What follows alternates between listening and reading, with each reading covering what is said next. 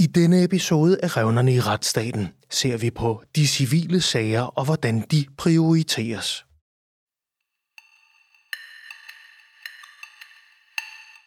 Altså sagsbehandlingstiderne ved domstolen er jo eksploderet de sidste år. Øh, ja, så længe jeg kan huske, der har det været et problem. Mand, du hører her, er Jeppe Rostmeier, chefjurist hos SMV Danmark. Vi oplever, at folk øh, vælger det fra, fordi det, det tager for lang tid, øh, og det øh, koster for mange penge, og øh, så ender det med, at de i sidste ende kommer til at stå tilbage med en regning, selvom de måtte vinde sagen. Og øh, så hellere tage lidt nu, eller tage noget nu, øh, og så komme videre, øh, og så, øh, så luk, luk sagen. Straffesagerne står i kilometer lange køer ved de danske domstole. Og mens mange en retsordfører og et samlet kor af forsvarsadvokater kalder situationen alarmerende, så er der imidlertid en anden sagsbunke, der vokser stødt i det skjulte. Altså, der er jo de her eksempler, at øh, skal du hele vejen igennem domstolssystemet, måske helt fra byret til landsret, og måske, øh, hvis man er heldig at få lov til at indbringe for højesteret, jamen så kan der jo snilt gå 6, 8, 10 år, øh, alt efter øh, sagens kompleksitet. De civile sager, herunder retlige tvister mellem virksomheder, er ikke nogen politisk varm kartoffel. Og spørgsmålet er derfor, om vi i jagten på at normalisere presset på vores domstole helt glemmer de civile sager. Der er jo en eller anden noget, noget retssikkerhed, øh, at, øh, at man, man, hvis man har ret, at man så også kan få ret. Loven er jo sjældent fuldstændig udfyldt og dækkende for alle situationer, og hvis, vi, hvis for mange virksomheder fravælger retssystemet, så, så, mangler vi den, så mangler vi den retspraksis til at udfylde, hvordan er det vi egentlig, vi skal forstå loven. I denne episode af Revner i retsstaten, der stiller vi spørgsmålet, hvad det betyder for dansk erhvervsliv, når virksomheder enten ikke kan få prøvet sin ret, eller måske helt fravælger domstolene. Det er jo lidt, på en eller anden måde lidt krænkende for retsfølelse, fordi vi betaler jo alle sammen til samfundet. Vi betaler alle sammen for at få mulighed for at gå til domstolssystemet. Men hvis der ikke på den måde, øh, at man så må fravælge det, fordi det giver bare ikke mening at gå til domstolssystemet, fordi det tager for lang tid. Fordi at straffesagen skal først. Så, så, så er der noget galt. Det er bare et problem øh, for virksomhederne. Med i studiet i dag er vicedirektør hos Dansk Industri, Kim Hagren, og chefkonsulent hos Dansk Erhverv, Bettina Schønning. Din vært er Rasmus Lehmann Hylleberg. Tak, fordi du lytter med. Kim, vi hører Jeppe Rosenmeier fortælle, hvordan det ikke er unormalt, at sagsbehandlingstiderne for civile sager kan være helt op til, han nævner 6, 8, helt op til 10 år. Hvad er dine tanker ja, om det? desværre er det jo et billede, jeg kan genkende. Uh, vi har også rigtig mange sager, vi har fulgt gennem mange år for vores medlemmer, så det er et billede, vi kan genkende, desværre. Jeg tror, at vores tanker er, at øh, der skal sættes ind på det område her. Altså, vi har i øh, de seneste år oplevet sagsbehandlingstider, der vokser og vokser, og som kun ser ud som de værre. Så det er øh, faktisk et kritisk punkt, vi er på i forhold til retssikkerheden for vores, dom, eller for vores virksomheder i Danmark. Bettina, et kritisk punkt for retssikkerheden. Er du enig i den betragtning? Jamen, det, det er jeg. Altså, det er jo, vi taler både den, øh, den enkelte virksomheds retssikkerhed, og så taler vi jo også om, om, om retssikkerheden som det, som vi, vi, vi som samfund kan, kan stille op til. Øhm, så så det, er jo, det er jo to forskellige ting, ikke, kan man sige, på en eller anden måde, fordi de enkelte virksomheder, de vil jo gerne have, have deres øh, ret, øh, øh i hvert fald det, de mener, der selv er deres ret, gennemført, og det kan man gøre på forskellige måder, når man er en virksomhed, men man kan sige, at samfundet har jo også, som Jeppe Rosenmeier, han nævner også en interesse i, at, at vi alle sammen får kendskab til, hvad retstilstanden er. Så, så der er sådan forskellige måder, man kan angribe på, og, og det, jeg vil sige, det, det er lidt forskelligt, hvor stort problemet er, øh, afhængig af, hvilken vinkel man, øh, man indtager. Hvordan synes I, det står til med virksomheders retssikkerhed i Danmark på baggrund af, hvad Jeppe Rosenmeier fortæller her, Bettina? Jamen altså, jeg synes, at, øh, at, at det principielt er et stort problem. Rigtig stort problem, at det skal tage så lang tid. Øh, det er meget svært at forklare vores medlemmer, øh, at de skal benytte de domstolene til at få behandlet deres sager. Men kunne, du ikke, øhm. kunne du ikke prøve at tage os ind i det maskinrum? Fordi hvad, hvad gør I som, som brancheorganisation her, når I med den viden, at det er svært at, at, ja, at få prøvet sin ret? Men, ja, men det er godt, du bringer ja. det op, fordi det er jo det, vi, vi, vi fraråder det sådan set. Altså i, hvert fald, hvis det overhovedet kan lade sig gøre. Fraråder I direkte jeres ja, medlemmer at gå til domstolen? sager ved, ved de rigtige domstole, eller man kan sige, de sædvanlige domstole. Er det i alle sager? Nej, altså selvfølgelig kan der være en situation, hvor du ikke har andre muligheder, hvis kontrakten for eksempel ikke øh, viser hen til voldgift, eller ikke har en mediationsklausul, hvor man i, allerede fra starten af har aftalt, at kommer der en tvist her, så vil vi prøve noget andet for at løse sagen hurtigere, øh, og måske også mere tilfredsstillende. Øh, så kan man jo sige, hvis den ene part ikke vil, noget andet, så er man jo nødt til øh, at benytte sig af, af domstolene, og så står vi jo der, hvor man ikke har andre øh, retsmidler, og så er man jo retsløs i princippet som virksomhed, hvis man ikke kan, kan komme igennem inden for en rimelig tid. Kim Hagren, er det en praksis, I også benytter af, altså ligefrem at, at, at anbefale jeres medlemmer ikke at gå til domstolene? Altså, vi gennemgår i hvert fald med dem, kan man sige, konsekvenserne ved at gå forskellige veje. Altså, det er klart, at hvis de har en rigtig god sag, så synes vi jo grundlæggende, at de skal forfølge et, et, et, øh, deres sag. Øh, men det er klart, at vi bliver også nødt til at sige til dem, at det tager mange år for ret, øh, og det kan være meget dyrt at få ret. Øh, fordi det er jo også således, at man ikke bare, selvom man engang får ret om 6, 7, 8 år, så får man ikke nødvendigvis tilkendt alle de sagsomkostninger, som alle de omkostninger, man har i løbet af sagen. Og det skaber et ekstra problem, kan man sige, så det er faktisk nogle gange dyrt at få ret. Og så skal man også huske, at man som virksomhed jo alle de år, sagen står på, der bruger man rigtig mange kræfter, selv internt i virksomheden på det. Så det skal man også tage med. Så det er ikke bare til eksterne rådgiver, man har omkostninger, det er altså også internt i virksomheden. Ja, fordi, derfor... det, kræver, det kræver, som du selv siger, det kræver nogle, nogle, nogle rimelig store muskler mm. som virksomhed øh, nogle gange her øh, øh, at føre de civile sager. Altså betyder det, at vi er et sted nu, øh, og det er måske et lidt ledende spørgsmål, men øh, skal man have penge nok for at få prøvet sin ret i Danmark som virksomhed? Ja, altså det, det, det, det, det jeg, jeg vil svært sige, det er 100% sådan. Der er selvfølgelig undtagelser, men grundlæggende så er det sådan, at man skal have øh, en, i hvert fald en meget stor tålmod, og derfor også en pengepunkt til at kunne køre de her sager. Og netop også den årsag, jeg siger, at det kører så lang tid, og dermed også, at man ikke kan få sikker på at få sine omkostninger hjem. Og vi er i en tid, hvor mange virksomheder om på nogle år her, i, særligt i nogle brancher, udsatte brancher, har en, ikke nogen stor reserve til at køre sådan nogle sager, og så er det meget lettere at forlige dem eller helt droppe dem.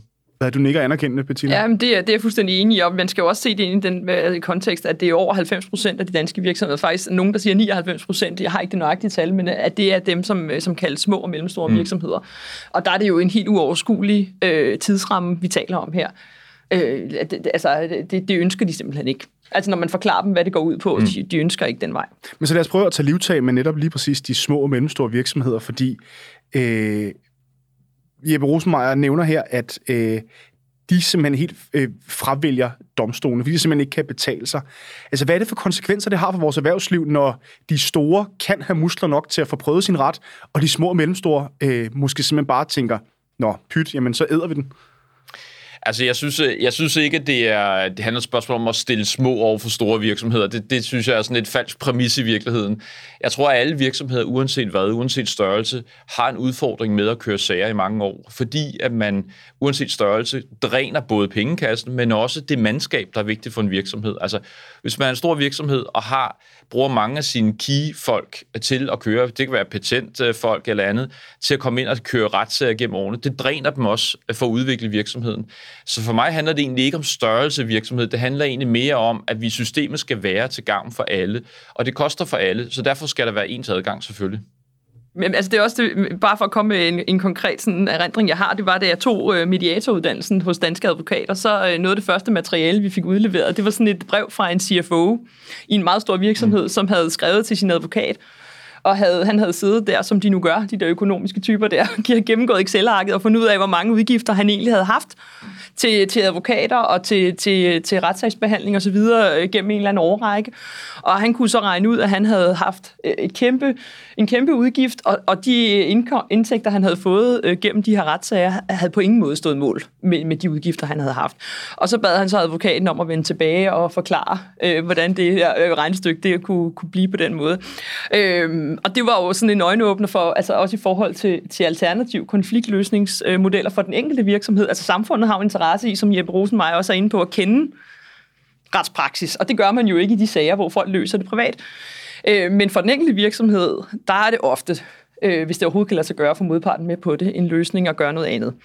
Øh, fordi det simpelthen er for dyrt. Og, og det er jo et ansvar, som vi alle sammen skal tage. Jeg mener egentlig ikke, det er domstolen og samfundets, eller hvad man skal sige, sådan statens ansvar på den måde, at der bliver en mere tilfredsstillende løsning af, af private konflikter. Det bør jo også være noget, som alle jurister, eller alle, der er involveret i jura, tager sig af og, øh, og får øjnene op og kigger ud af boksen der, ikke?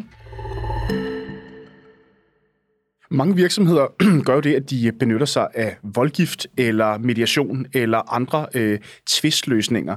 Øhm, vi har jo, øh, og, og det er jo sjældent, at vi øh, ser øh, øh, hvad hedder det, afgørelser i store sager, netop fordi, altså vi har, øh, øh, altså for nærværende kan man måske nævne Eko, der jo havde fået den her lange tvist med skat, der tog, jeg tror det var 13 år. Men hvad betyder det for vores retspraksis, og også for øh, det her med at kende sin ret og kende retspraksis, hvis flere og flere virksomheder vælger øh, at løse tvisterne øh, i voldgift, eller hvad skal man sige, gennem andre tvistløsninger? Ja, altså for det første vil jeg jo sige, at både voldgift og mediation egentlig er gode alternative konfliktløsningsmetoder. Altså det er jo faktisk nogle, som vi øh, gør brug af i dansk erhvervsliv som, som vigtige begge to. Mm. Øh, men det er klart, at det betyder jo noget for den retsdannelse, der er, og den opfattelse af, hvordan skal man på et område forstå loven, hvor langt kan man gå, hvordan ser kontraktet ud, hvordan skal de tolkes osv. Alt det, som vi jo får, når vi har en dom, vi kan læse ud af at blive kloge på, hvor at vi kan læse præmisserne osv., det er klart, det betyder noget for virksomheder. Det betyder noget for os som rådgiver af virksomheder, at vi kan kigge ind i det. Øh, og det har vi selvfølgelig ikke på de andre konfliktløsningsmetoder, som mediation og voldgift. Så, så det betyder selvfølgelig noget for retsdannelsen helt grundlæggende. Så det, øh, at sige det, øh, altså det, det, det der med, hvor stort det problem det er, jeg vil i hvert fald bare sige, at det er, det er noget, der betyder noget, at vi kan det, og det er noget, der gør, at vi som, vi som rådgiver faktisk benytter, hver gang der kommer en sag på et område, så benytter vi det faktisk til at blive klogere på. Hvad er jeres overvejelser omkring det, Bettina? Jamen, altså, det, er, det, det synes jeg også, man kan sige, det er jo også noget som erhvervsorganisationer, det bliver vi jo nødt til at tage på sådan en lidt mere overordnet dagsorden, ikke? hvor man kan sige, at for den enkelte virksomhed, der drejer det sig jo om at få løst deres sag, som den står lige nu. Og der må vi jo hjælpe dem til at, at få dem øh, tilfredsstillet i den situation, de nu står i der. Men, men, øh, men det er jo også det, at erhvervsorganisationerne tager jo nogle af de her brede dagsordner, og der er jo enig med Kim i, vi kan jo ikke rigtig rådgive, og vi kan ikke rigtig, altså det bliver jo sådan lidt, det er ikke for at være fræk over for journaliststanden eller sådan, men det ender jo med at blive sådan lidt noget second best, øh, hvis vi ikke har øh, de civile sager ved domstolene på den, med den grundige øh, hvad hedder nu, behandling, som Kim giver udtryk for der. Fordi man kan sige, det er jo lidt det der med hurtige nyheder. Hvis man nu ser, sammenligner det med det, ikke? altså hvor den grundige journalistik, hvor man kan læse dybt ind i en artikel fra, øh, det kan være Weekendavisen, eller hvor man nu, hvad man nu eller læser. K-News, ja. Eller K-News, ja, netop også. Ikke? Altså, men, men, men hvor øh, man kan sige, at noget af det andet der, hvor man kun får overskriften, ikke? hvad det handlede det her om, det får man jo ikke rigtig noget ud af, hvis man skal forstå, hvad det handler om. Øhm, så det er lidt det samme, der sker her, ikke? og der er jo ikke noget galt med mediation og voldgift, men samfundet får bare ikke viden det er om, jo ikke, det, det er jo ikke øh, den her problematik med, at de civile sager ikke fylder nok i domstolssystemet. Det er jo ikke nogen ny problematik. Tilbage i, i 2020 udgav øh, Tænketanken Justitia en større rapport, der tegner samme billede, og hvor konklusionen peger på, at man både politisk og faktisk også hos domstolene helt nedprioriterer de civile sager, når man skal ind og snakke effektiviseringer. Er det en tendens, I kan genkende, at det selvfølgelig, altså, det her med, at det ikke blot er en, en situation, der er opstået i forbindelse med det her med presset på domstolene, men at det simpelthen er en, en, en problematik, der har en længere hale bag sig, Kim? Ja, altså det, det tror jeg klart, man kan se, at det, det har jo været sådan en tendens til igennem altid, jeg kan huske i hvert fald, øh, at, at øh, straffesager og, øh, har jo altid fyldt meget, og de har taget jo samfundets, og måske også på nogle måder berettiget har de været det, der har fyldt meget i, i medier og blandt politikere.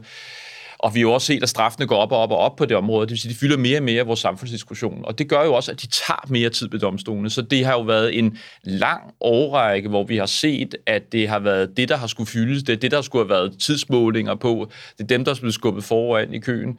Og det er jo på bekostning af de civile sager. Og der tror jeg også, at vi må tage på egen kappe som erhvervsorganisationer. Vi måske ikke har været gode nok til at råbe højt nok om, at det her faktisk er et problem. Fordi det er det, vi lever af. Det er, at virksomhederne blandt andet kan få afgjort deres sager ved domstolene. Det er jo derfor, de, de tror på et retssamfund og er i Danmark. Det er jo en stor del af det. Så det betyder faktisk noget, at øh, de civile sager også bliver prioriteret. Og det skal vi, tror jeg, vi i fællesskab, øh, som alle organisationer her, skal være endnu bedre til. Også sammen med, med andre parter, med advokater og andre, være med til at fremhæve det fremadrettet. Det ligger en forpligtelse på os alle sammen i det.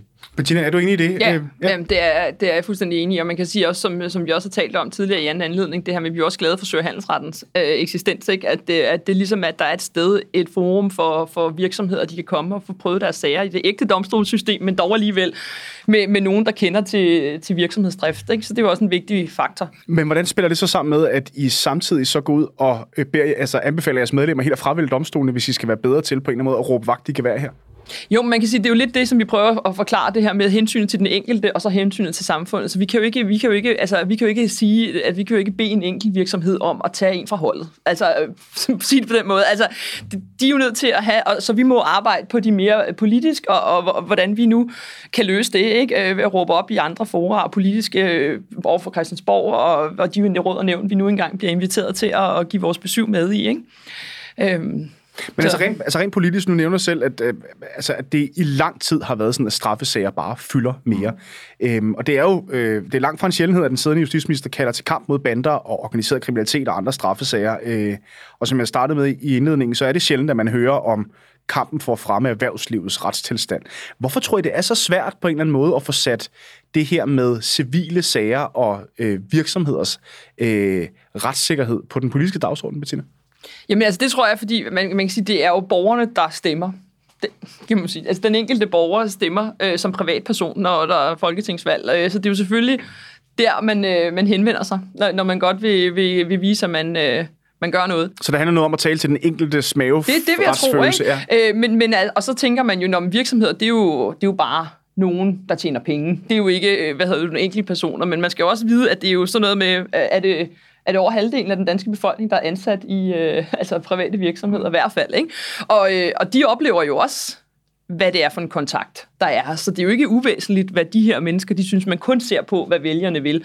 Men så er det selvfølgelig også klart, at straffesager, hvis det er vold, og hvis det er øh, bande, narko, alt det her, som påvirker os alle sammen, det er selvfølgelig super vigtigt at få håndteret, og det er jo det der med, at de brede skuldre skal bære mest, ikke? og hvis, hvis det ikke virker, altså, så er der jo ingenting, der virker. Men civile, så, så sager, jo... men civile sager kan jo også handle om borgeren. Det kan jo også handle om personlige Det kan tvister. det sagtens, og, det, og man kan sige, det kan også godt være, at det ikke er en virksomhed. Og der synes jeg jo, man kan sige, der må man jo lige stille de ting. Altså hvis private personer, her Jensen og Hansen, kommer ud i en eller anden privatretlig konflikt om noget, så er vi jo nødt til at have domstolene. De har jo ikke en kontrakt, der regulerer et værende ting på forhånd. Og de kan ikke gå til voldgift? Nej, det kan de ikke. Altså de kan godt få en mediation, men det kræver, at de kender en, der ved, nok gud, det findes, og, og lad os prøve det og sådan noget. Men tit så går sådan nogle private konflikter jo i, i, øh, i hårdknude. Og så er man jo nødt til at have det. Øh, og det er jo også derfor, sådan noget som småsagsprocessen, det er jo en, der, der er det jo en god løsning. Og det gælder jo også for virksomheder, hvis det er krav under, at nu 50.000 ikke at tale om at hæve det til 100 måske på et tidspunkt. Og det fremgår også af Justitias rapport for 2020, ja. netop det her med, at man skulle ja. hæve øh, småsagsgrænsen. Hvad tænker du om det her, Kim? Jamen, jeg tænker, at, øh, altså, at det, det er klart, at, at øh, vi har nogle samfundsmæssige prioriteter i vores samfund, og det er selvfølgelig at slå ned på øh, farlig kriminalitet. Det er klart, og det har vi fuld forståelse for, at det har en prioritet i vores samfund.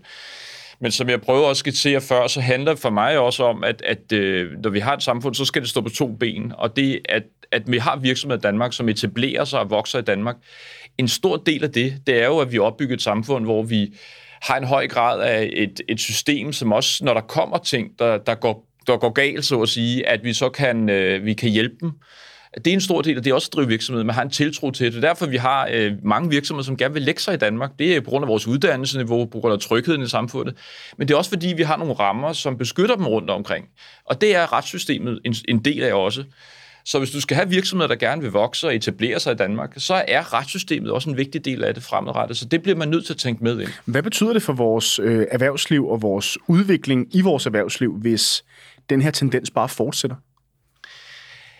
Ja, altså det betyder jo uh, endnu mere, at uh, du vil have virksomheder, som fravælger at gå til domstolene. Det er der ikke nogen tvivl om. Altså hvis man kigger ind i nogle af de scenarier, som, som hvis man ikke gør noget, uh, hvor det vokser uh, endnu mere der, og eksplosivt, uh, så vi kigger fremadrettet, uh, så vil det jo betyde, at uh, der er rigtig mange virksomheder, der helt vil fravælge det. Og det kan jo have den konsekvens fremadrettet, at vi ikke vil have den helt samme tiltrækning, vi kan, som når vi øh, på, på eksempel udlandske virksomheder skal sige, hvor de gerne lægge det hen, eller når man forhandler kontrakter, hvor skal man lave værneting hen, altså hvilken domstol skal man lægge det ved. Øh, det betyder jo noget. Altså hvis man ikke kan sige, at man kan forhandle en tvist, så vil man jo ikke lægge den i Danmark, og det vil sige, så går rådgivningsmiljøet og alle mulige andre klipper også en masse indtjening. Så det er vigtigt, at vi har en, en acceptabel frist for, hvornår vi behandler civile sager. Hvad er en acceptabel frist, Bettina, set med jeres øjne? Altså, det handler jo helt om kompleksiteten mm. på sagen, ikke? Men, altså, men jeg vil sige, det er meget svært at forklare, altså i hvert fald små og mellemstore virksomheder, at det skal tage meget mere end øh, mellem et og to år. Hvad synes I, der skal gøres ved den her problematik, hvis I havde totalt frie hænder? Ja, altså det er jo, altså man kan sige, at øh, rigtig meget handler jo om at øh, vi kigger på både de eksisterende processer, det er vi jo i gang med i Rørdam-udvalget lige i øjeblikket, og at kigge på, kan vi gøre noget anderledes for at skubbe på det. Og så kræver det selvfølgelig også domstolene. Øh, det er normalt ikke noget, vi plejer at sige, skal tilføre mere ressourcer til det offentlige, men faktisk her, der er behov for det. Altså, vi har en sektor, som i den grad øh, ikke har nok ressourcer. Så der er i hvert fald et, en, et grundlag for at diskutere det, og det er også det, vi forstår politisk er en eller anden form for opbakning til på nuværende tidspunkt, som kører parallelt med, med de her øh, forhandlinger, vi har, eller diskussioner, vi har i det såkaldte Rørdam-udvalg vi er simpelthen nødt til at have nogle flere øh, ressourcer derhen, og det, øh, nu taler vi om civile sager i dag, men, øh, men som jeg også nævnte for dig, før vi startede her, så, så er det jo også det, at øh, der er en stigning, øh, stigning i straffesager mod virksomheder. Så der kommer også simpelthen øh, hårdere af reguleringer fra EU, og helt berettiget, som, øh, som, skal, som skal stille krav til virksomheder i denne her bæredygtighedsdagsorden, øh, vi alle sammen skal, skal ind i. Øh, og der er produktsikkerhedsregler, der er øh, hvad hedder det, CSR-regler, der er forbud mod tvangsarbejde, der er rigtig, rigtig rigtig, rigtig... digitale forordninger på vej også. Digitale ja. forordninger, alt er på vej, hvad hedder det nu, som stiller store, store krav til virksomheder, og de skal naturligvis håndhæves, fordi ellers så skrider konkurrencen mellem dem, der overholder alle de her meget finmaskede krav, og dem, der ikke øh, gør. Øh, det vi så ser nu, det er, at de offentlige øh, myndigheder, som har fået til opgave at håndhæve det her, de i stigende grad øh, politianmelder virksomheder selv for små formelle fejl. Øh, og de her sager her, de vokser hos domstolene øh, hen over de kommende år. Men kunne vi lige prøve at tage fat i ja. det der med ressourcerne, fordi ja. øh, skiftende regeringer har jo tit på finansloven, så har de bevillet en eller anden pose penge til domstolene til et specifikt område. Det kan være øh, nedbringning af sagsbehandlingstid i forbindelse med corona eller lignende ting.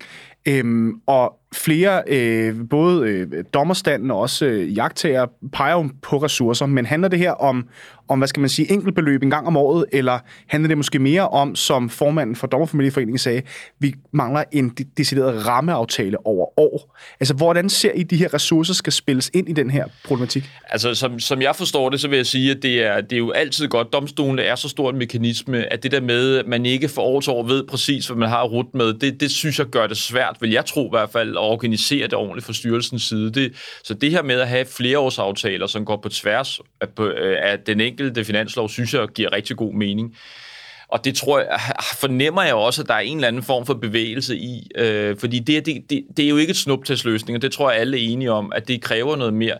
Det kræver også uddannelse, nogle flere dommer. Altså, det, for at være helt ærlig, så er det jo ikke, øh, nu kan jeg jo sige, det er jo selv jurist, altså det, det, det er ikke det, jeg sådan hører på, da jeg blev færdig, der er flest, der valgte ind i. Altså, det er, det er lidt særligt, og det jo, tror jeg har noget at gøre med, at det har ikke været i mange år noget, som man sådan har... Der har været meget stor arbejdspres, relativt beskeden løn i forhold til arbejdspresset, og så samtidig en utilfredsstillelse af, at man i virkeligheden jo øh, synes, at man ikke kan lave sagerne ordentligt, fordi man har så travlt hele tiden.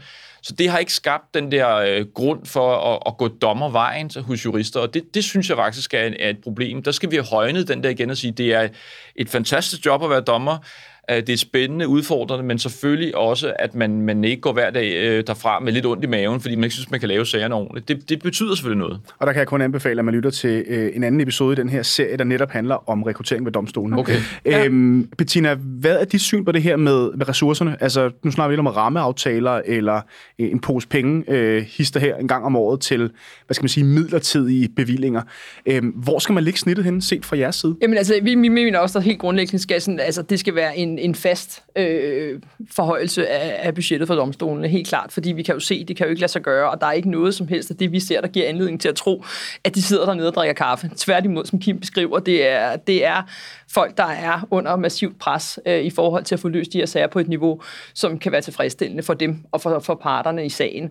Øhm, altså, man kan sige, øh, det er jo muligt at få, få mere tid, øh, men, øh, men vi havde et medlem, der var udsat for en af de her øh, straffesager, som vi havde øh, øh, for ny, for, som jeg nævnte lige før, og der var en time afsat til, øh, til sagen, ikke? Øh, og, hvad hedder det? og dommeren han tog sig så 14 dage til at skrive dommen. Det er jo klart, fordi det var jo helt umuligt for ham at skabe sig et overblik, øh, og så afsige en dom umiddelbart efter sagen var afsluttet.